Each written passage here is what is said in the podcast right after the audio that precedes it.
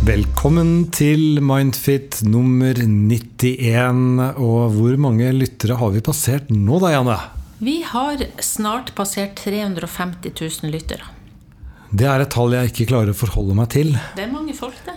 Ja, men for meg så er det bare tegneserietall. Men eh, det er utrolig kult. Ja, er kult. Jeg skjønner at eh, det er bra, og det er jo dere som hører på. Det er vi veldig takknemlige for. Dere skriver også inn eh, spørsmål.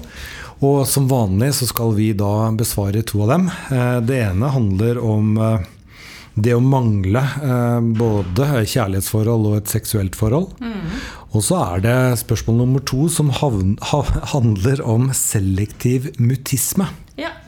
To veldig gode spørsmål. Men før vi går dit, så har jo korona eh, festet ytterligere grep eh, om oss. Det er nye regler. Nå får vi ikke lov til å være mer enn fem personer. eh, Og innstramningene handler jo om at vi skal klare å få en så normal jul som mulig. Hva tror du, Janne? Er vi, er vi klare for Eller kommer vi til å gjøre som myndighetene sier? Jeg, jeg, er jo ikke Altså, jeg er usikker på det her, fordi det har vart så lenge. eh, Og jeg tenker det er ikke så lett eh, å gå på med frisk mot for alle og enhver. Også vi som har folk rundt oss, er jo heldige, da, tenker jeg. Eh, Men jeg tenker på de som er mer ensomme har mindre nettverk. Hva skjer med de tingene som de har av aktivitet rundt seg? Sånn at jeg håper vi klarer det, sånn at vi kan komme tilbake til en noenlunde normal igjen ganske raskt. For det er viktig for eh, mange. Eh, sånn som det var i mars. Eh, veldig trasig for mange av de syke til meg som eh, ja, var avhengig av mer de offentlige nettverkene som forsvant, ikke sant. Så jeg, jeg tenker med gru på hvis vi skal tilbake dit. Så det, det gjelder vel bare å, å presse. Jeg håper folk flest skjønner alvoret, da. Ja, det må jo være Det må jo være ekstremt å være ensom eh, og oppleve dette året her. Ja, jeg tenker det er ekstremt. Eh, Det er jo ikke sånn at eh, For mange, altså de som har vært mest ensomme av de som er mine pasienter, de har jo nå bygd seg litt sånn gradvis opp igjen til å komme seg ut i verden. Eh, Og jeg frykter jo for eh, Jeg tror jo ikke det. Jeg tror jo at myndighetene har skjønt at den lockdownen vi hadde i mars-april, det nytter nesten ikke. Det var så ekstremt.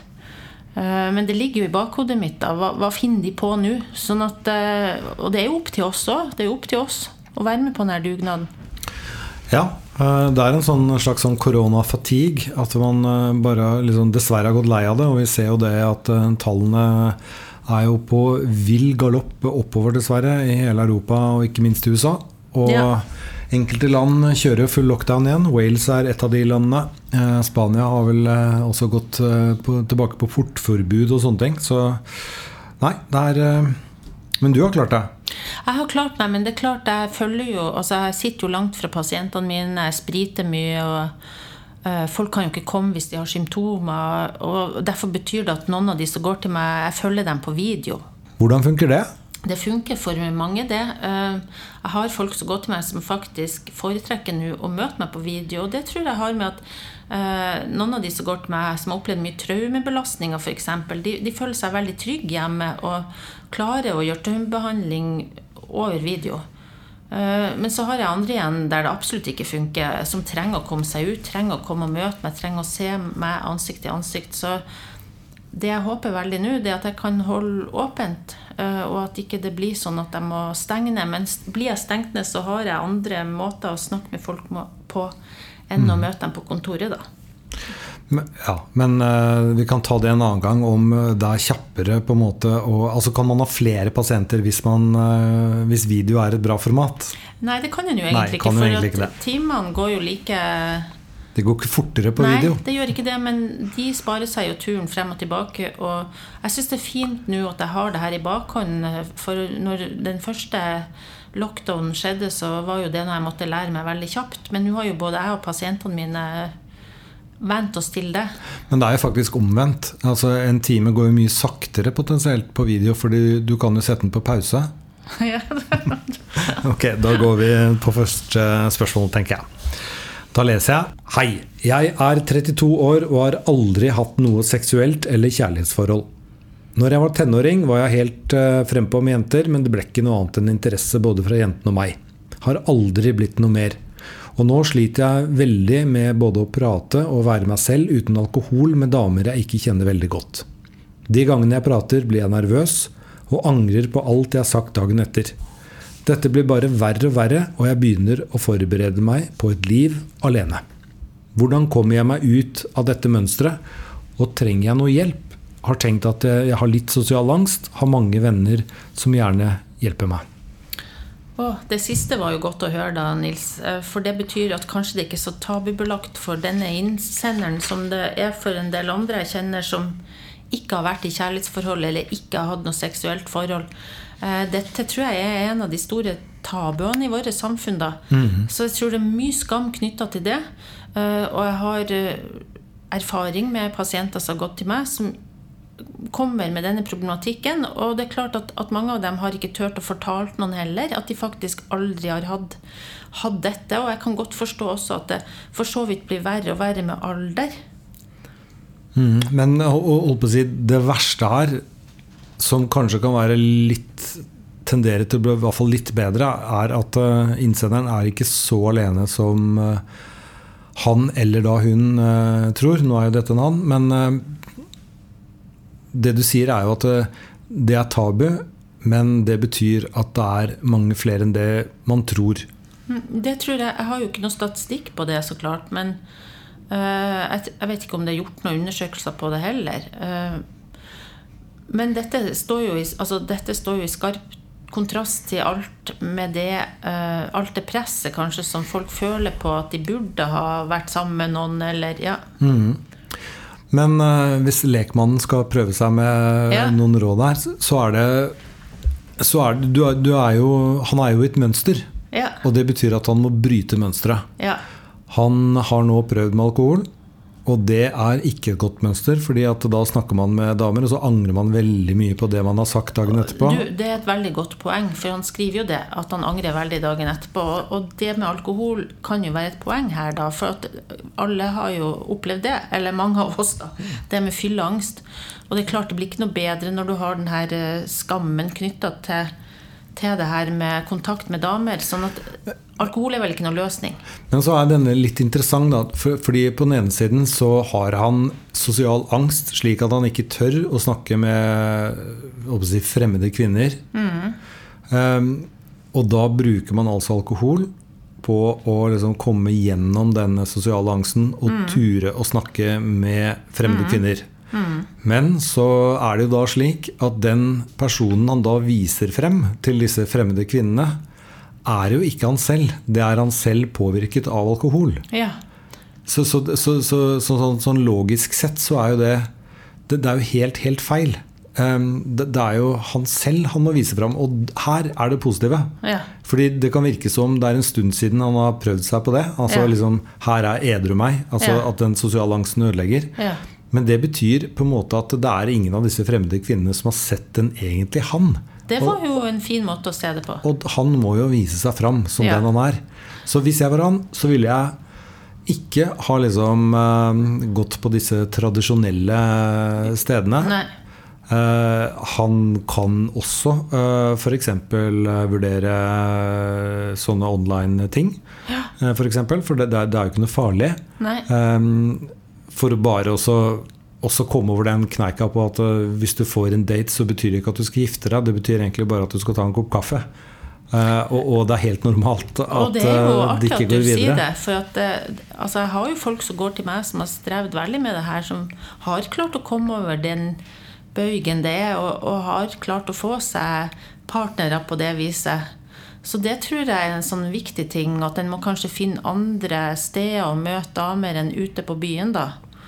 Eh, jeg vil litt tilbake til det her med sosial angst. For det, det, det, er klart det kompliserer det litt. Og så har han også denne tanken at han begynner å forberede seg på et liv alene. Eh, Som 32-åring. Hallo, hallo, hallo. Ja, det, det, det gjør du liksom ikke. Det er et varselsignal. fordi hva en tenker, er jo noe som så klart påvirker hvordan en føler seg, og hvordan en har det med ting. Og en sånn tanke vil jo bare være til hinder. Ja, det er en selvforsterkende eh, komponent i en negativ spiral. Absolutt. Og så vil jeg tenke, eh, Men dette typiske, altså hvis det er et element av sosial angst her, da, noe som vi har snakka om før, men som faktisk er den vanligste angstlidelsen som folk har, og som i bunn og grunn handler om eh, at en er redd for å dumme seg ut og bli kritisert eller vurdert av andre. Ja. Et utrolig harry råd, ja. men jeg mener det. Meld deg inn i et politisk parti. Ja. Eh, med en viss størrelse, som har medlemsmøter og sånne ting. For da er konteksten egentlig det at du drar dit og snakker om meninger. Og, og, og da, du, har en helt annen rolle.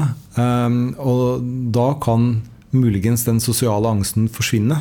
Fordi da er settingen liksom ikke sjekking settingen er faktisk å treffe andre mennesker og, tror, og, og snakke? Jeg tror for mange at det er et poeng å, å tenke over hva en liker å holde på med, og om det er noe en kan eh, søke seg mot der en kan få et fellesskap med folk med felles interesser.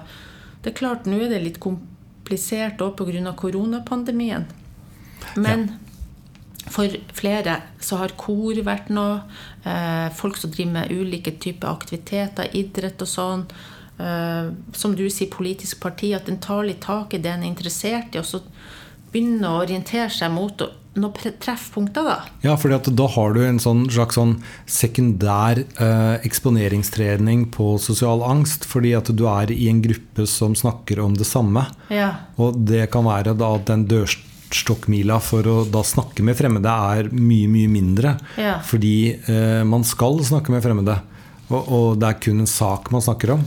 Og så, fordi hvis du også tenker at det er et element av sosial angst Det som typisk skjer da eh, når folk har det, det er jo egentlig det vi snakker om her. For det første disse negative tankene om en slags sånn negativ forventning til hva som skal komme til å skje, eller hva andre skal tenke om deg.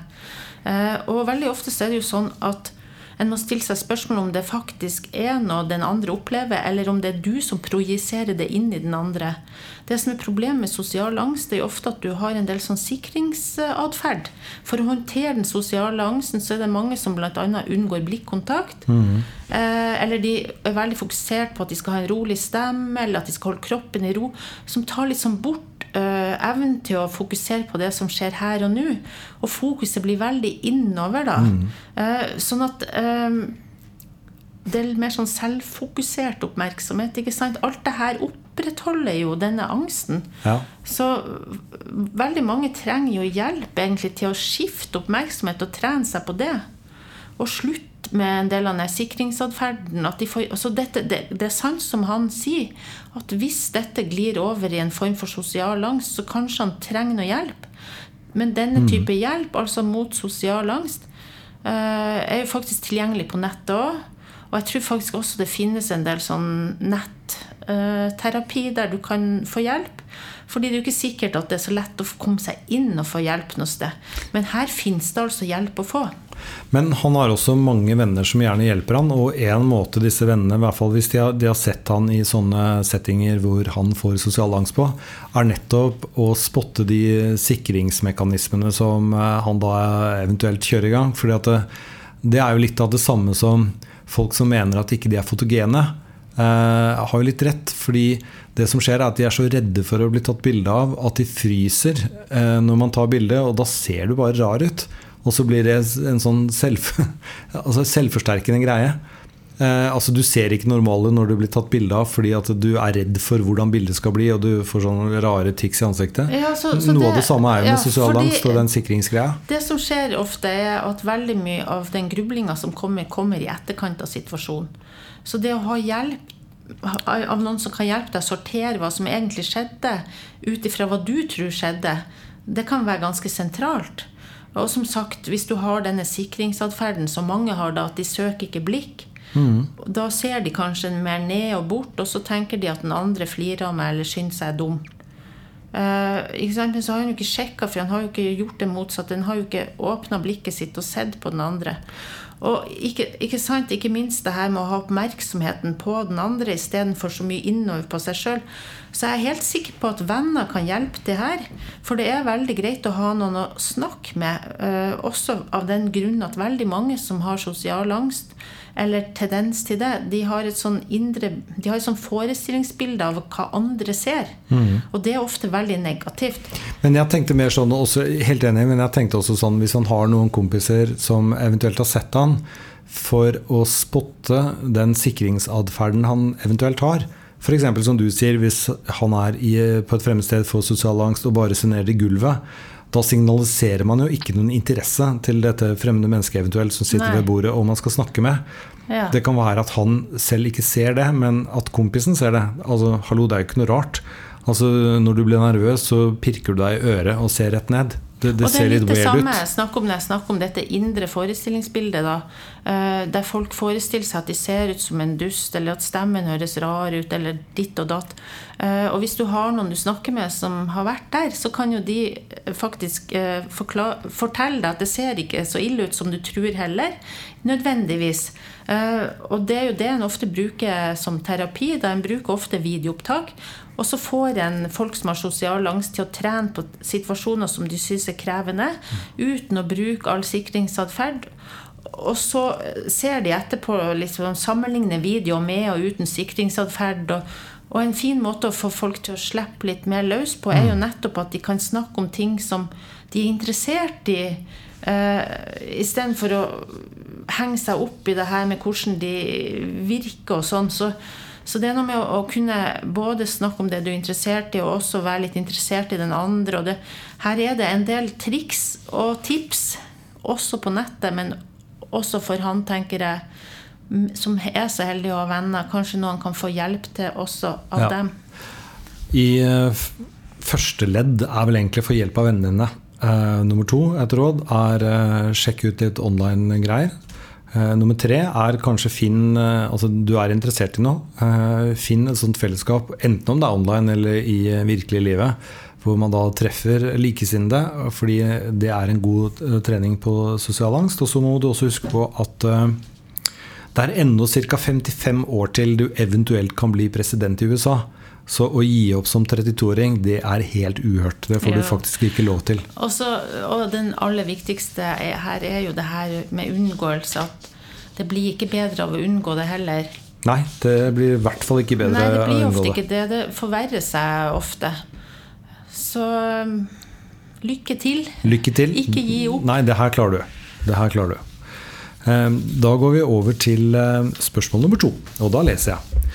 Forsto nylig at det jeg opplevde som vanskelig i barndommen og tenårene, faktisk er et fenomen. Jeg har selektiv mutisme. Som ung voksen begynte jeg å kalle det sosial angst, så et visst bilde har jeg hatt av det. Nå er jeg voksen og har en jobb jeg fungerer i og er komfortabel i. Likevel, å komme over dette fenomenet og få et større bilde gjør stort inntrykk. De første ukene var jeg nærmest oppildnet og søkte så mye informasjon jeg kunne. Så ble jeg fylt med sorg. Hvorfor hjalp ingen meg? Hvorfor lurte ingen på om jeg trengte hjelp eller hva jeg slet med? Alle i hermetegn oppfatter meg som ressurssterk. Jeg har utdannelse og en trygg tilværelse. Men jeg sliter med sosial angst og depresjon. Selv mine nærmeste vil helst ikke ta dette innover seg, eller snakke om det. Men jeg lever sant å si svært isolert og har stadig færre venner. Nå har jeg lyst til å fortelle kjæresten min og søstre og mor om eh, om eh, selektiv mutisme, og hvordan det, har, eh, hvordan det fortsatt preger meg. Men hvordan klarer jeg det, når det virker som de ikke vil vite? Hvordan klarer jeg forklare meg uten å virke som en sytepave? Har hatt eh, dette ønsket helt siden jeg var den vesle, stille jenta om å forklare folk at jeg er her inne, og at jeg er veldig redd. Jeg vil snakke, og være spontan og livlig, men jeg er bundet og kneblet, og det er fryktelig vondt å ikke klare å nå ut. Ja, eh, jeg syns dette Altså, selektiv mutisme er jo en av de tingene som oppstår veldig tidlig, veldig ofte i, eh, allerede på, i barnehage. Eh, debutalderen er ofte to og et halvt år. Og tenk, det er jo ca. 1 av barnebefolkninga som får dette problemet. og det er jo ikke sikkert alle vet hva selektiv Nei, det var akkurat der jeg tenkte å spørre. Ja. Fordi folk som har det, de har jo talespråk, og de kan snakke. Og de vil snakke. Det er litt sånn viktig å si at de vil snakke, men de klarer ikke snakke. Men når de er trygge, altså hjemme med sine nærmeste, da snakker de uten problem. Men i det selektivt betyr at i bestemte settinger så snakker de aldri. Så det kan bety at de kan jo være en hel dag i barnehage og på skole uten å si et eneste ord. Og dette er jo kjempevanskelig uh, for den som har det. Og så dessverre også så er det jo sånn at kanskje de som er rundt dette barnet, de klarer heller ikke helt å, å skjønne hvordan de skal håndtere det. Jeg tror, jeg tror det her å presse barnet til å snakke ikke er uh, riktig. Og jeg tror også det her å tenke at barnet viser vond vilje på noe vis, at det er bare å, å ta seg sammen og snakke, det er liksom viktige punkter. Mm. Men hvorfor oppstår det? Nei, Det vet en jo ikke helt, da. Men, men jeg tror jo at disse, disse barna ofte kan det kan det handle om en seanse eller, eller, eller, noe sånn i, i bunnen på noe utrygghet. Men, men, det trenger ikke det heller. En vet kanskje ikke så mye om bakgrunnen for at noen får denne type selektiv mutisme. For de kan for å si det sånn, ha det veldig trygt og godt hjemme, f.eks. Så det trenger ikke ha noe med at det er utrygt rundt dem på noe vis. Men det er akkurat som det liksom bare Det er en form for angst. da En tenker på det som en form for angst, og, og det er akkurat som det bare låser seg helt fast. da Så det er veldig vanskelig å komme ut av den tilstanden. Men uh, på en måte så er det bra, da, fordi at angst kan man jo kurere og gjøre noe med. Så, mm så det betyr at uh, dette kan man gjøre noe med. Selektiv mutisme. Ja, for at det som en ser da uh, Dessverre vil jeg tenke at hjelpeapparatet kanskje ikke alltid har så mye god kunnskap om det heller. Men det fins kunnskap å, å, å, finne, både hvis du søker på nettet, og det fins også uh, en del uh, hjelp, profesjonell hjelp, å få der en har forstått hva som er viktig her. Mm. Uh, det å liksom tilnærme seg dette barnet, hvordan skal en gjøre det? For, ja, men også i dette tilfellet en voksen person, da. Ja, men jeg tenker Bare for de som ikke vet litt hvordan dette er, da, så, så, så, så vet en det at, at en god ting kan være at en ikke legger så mye forventning i at de skal få dette barnet til å snakke. Eh, men en kan stille litt sånne undrende spørsmål, hvis du skjønner. Mm. 'Å, jeg lurer på Å, er det Se på det der. Hva tror du det er for noe?' Og liksom, eh, spørsmål som inviterer til at barnet kan snakke, hvis det får til å snakke. Og snakk, At en skal fortsette å snakke til ungen er viktig, selv om ungen ikke svarer. Og ikke legge så mye vekt på om en får svar, og heller ikke gjøre så mye ut av det hvis en får svar. Men jeg tror det her stopper det litt opp i barnehage og i skole. Altså At en slutter å snakke til barnet. En skal snakke. Mm. Og komme med undrende spørsmål. Eh, ikke sånn direkte spørsmål, men mer sånn som kan invitere barnet inn til å si noe. Og så skal en prøve å finne et felles fokus som en kan ha sammen. Altså leke noe sammen uten å nødvendigvis bruke språket. Og med tålmodighet da, så, så ser en jo at disse barna eh, kan få til å snakke etter hvert. Men dessverre da, så tror jeg, sånn som hun sier som voksen, at hun kanskje opplevde det at det ble bare sånn at de voksne mm. rundt ga opp. da.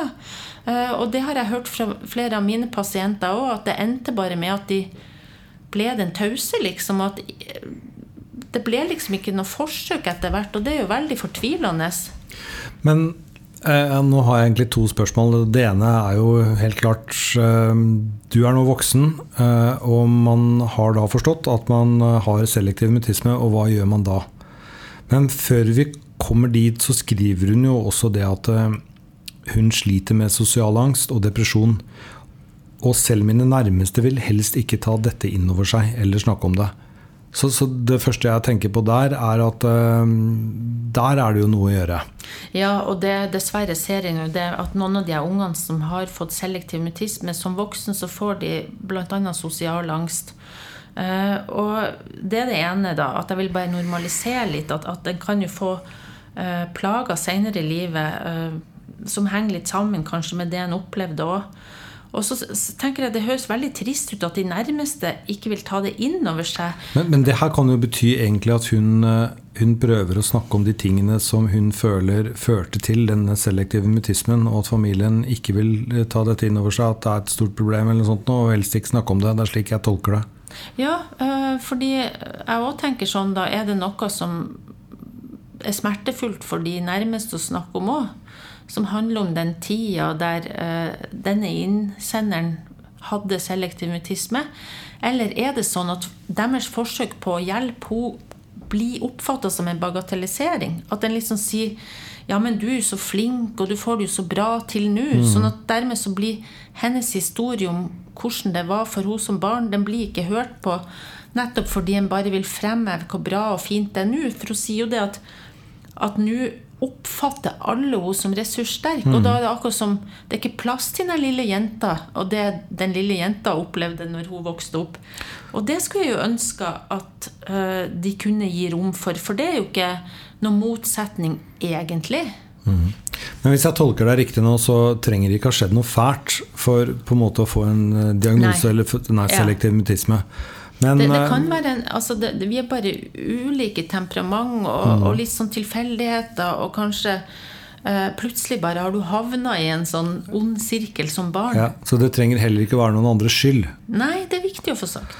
Men eh, for, for, hun som skriver her, så handler jo dette litt om closure. Da. Altså hvis man ikke ser henne, og at en del av henne hadde selektiv mutisme, i alle fall når dette medfører at hun fortsatt sliter med det i form av sosial angst og depresjon, så ser man jo ikke hele mennesket. Så det er det hun vil. Hun vil på en måte altså, Hallo, se hele meg. Ja, absolutt. Og så tenker jeg òg at uh, selv om hun for alle da kan virke ressurssterk, så sier hun jo enda at hun sliter med det her. Altså mm. Hvis hun sliter med sosial angst, og det snakka vi jo om i forrige spørsmål vi fikk, så er jo det her med en sånn grunnleggende opplevelse av at, det, at du er selvkritisk, og at du, du, er redd for å dumme deg ut. At du har jo enda noe å slite med. Så, så jeg tenker Hun er jo ikke en sytepave, som hun sier, hvis hun tar det opp. Nei, overhodet ikke. Men er ikke dette holdt på å si, så komplekst at man rett og slett bør eh, søke profesjonell hjelp? Jeg tror jeg ville starta med å se om jeg får til denne samtalen med de rundt meg, og så gjøre dem nysgjerrig på altså, hvordan var det for meg å vokse opp og ha selektiv mutisme. Og jeg tror uh, det kan være vondt for de rundt. Uh, nettopp fordi kanskje de ikke syns de takla det noe bra, de heller. For det kan jo være da, vet du, at som at ikke bare barnehagepersonale eller skolen som ble utålmodige eller slutta å prate. Og det kan jo også være at, at de nærmeste ble utålmodige og satte noen merkelapper på eller fikk henne til å føle at det var noe veldig feil med henne som ikke, ikke prata, da. Mm. Eh, sånn at det kan jo være noe her som du sier, som gjør at det er vondt for de pårørende å snakke om det òg. Eh, men jeg skulle så gjerne ønske at de klarte det, og bare lytte på for det er jo ikke noe sånn at en kan gjøre om det som har skjedd. Men jeg tror for veldig mange som har opplevd vanskelige ting, så handler det ikke om å gjøre det om, eller Det handler mer om å få en anerkjennelse av Altså at du blir lytta til og akseptert for opplev, altså den opplevelsen du har hatt. Så kanskje et sted å starte er å få dem til å høre på dette som vi svarer. Mm.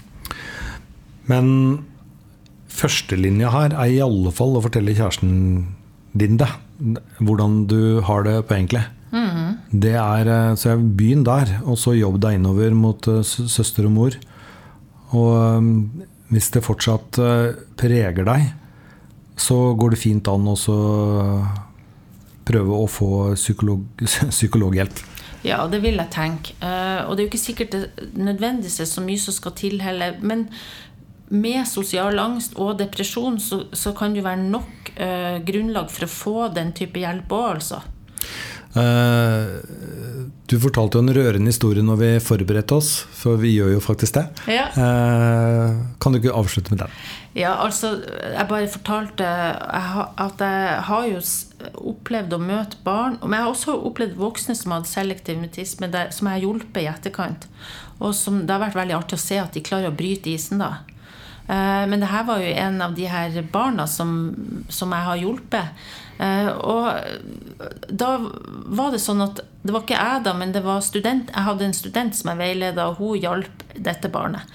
Og det var jo gjennom tålmodighet. altså Det å ikke legge så mye vekt på å latt dette barnet altså Ikke press til å snakke, men de liksom lekte sammen. Og, og hun klarte å, å liksom stille de her undrende spørsmålene og lage en sånn stemning som gjorde at etter ca. ti ganger Plutselig så åpna den ungen munnen og noe.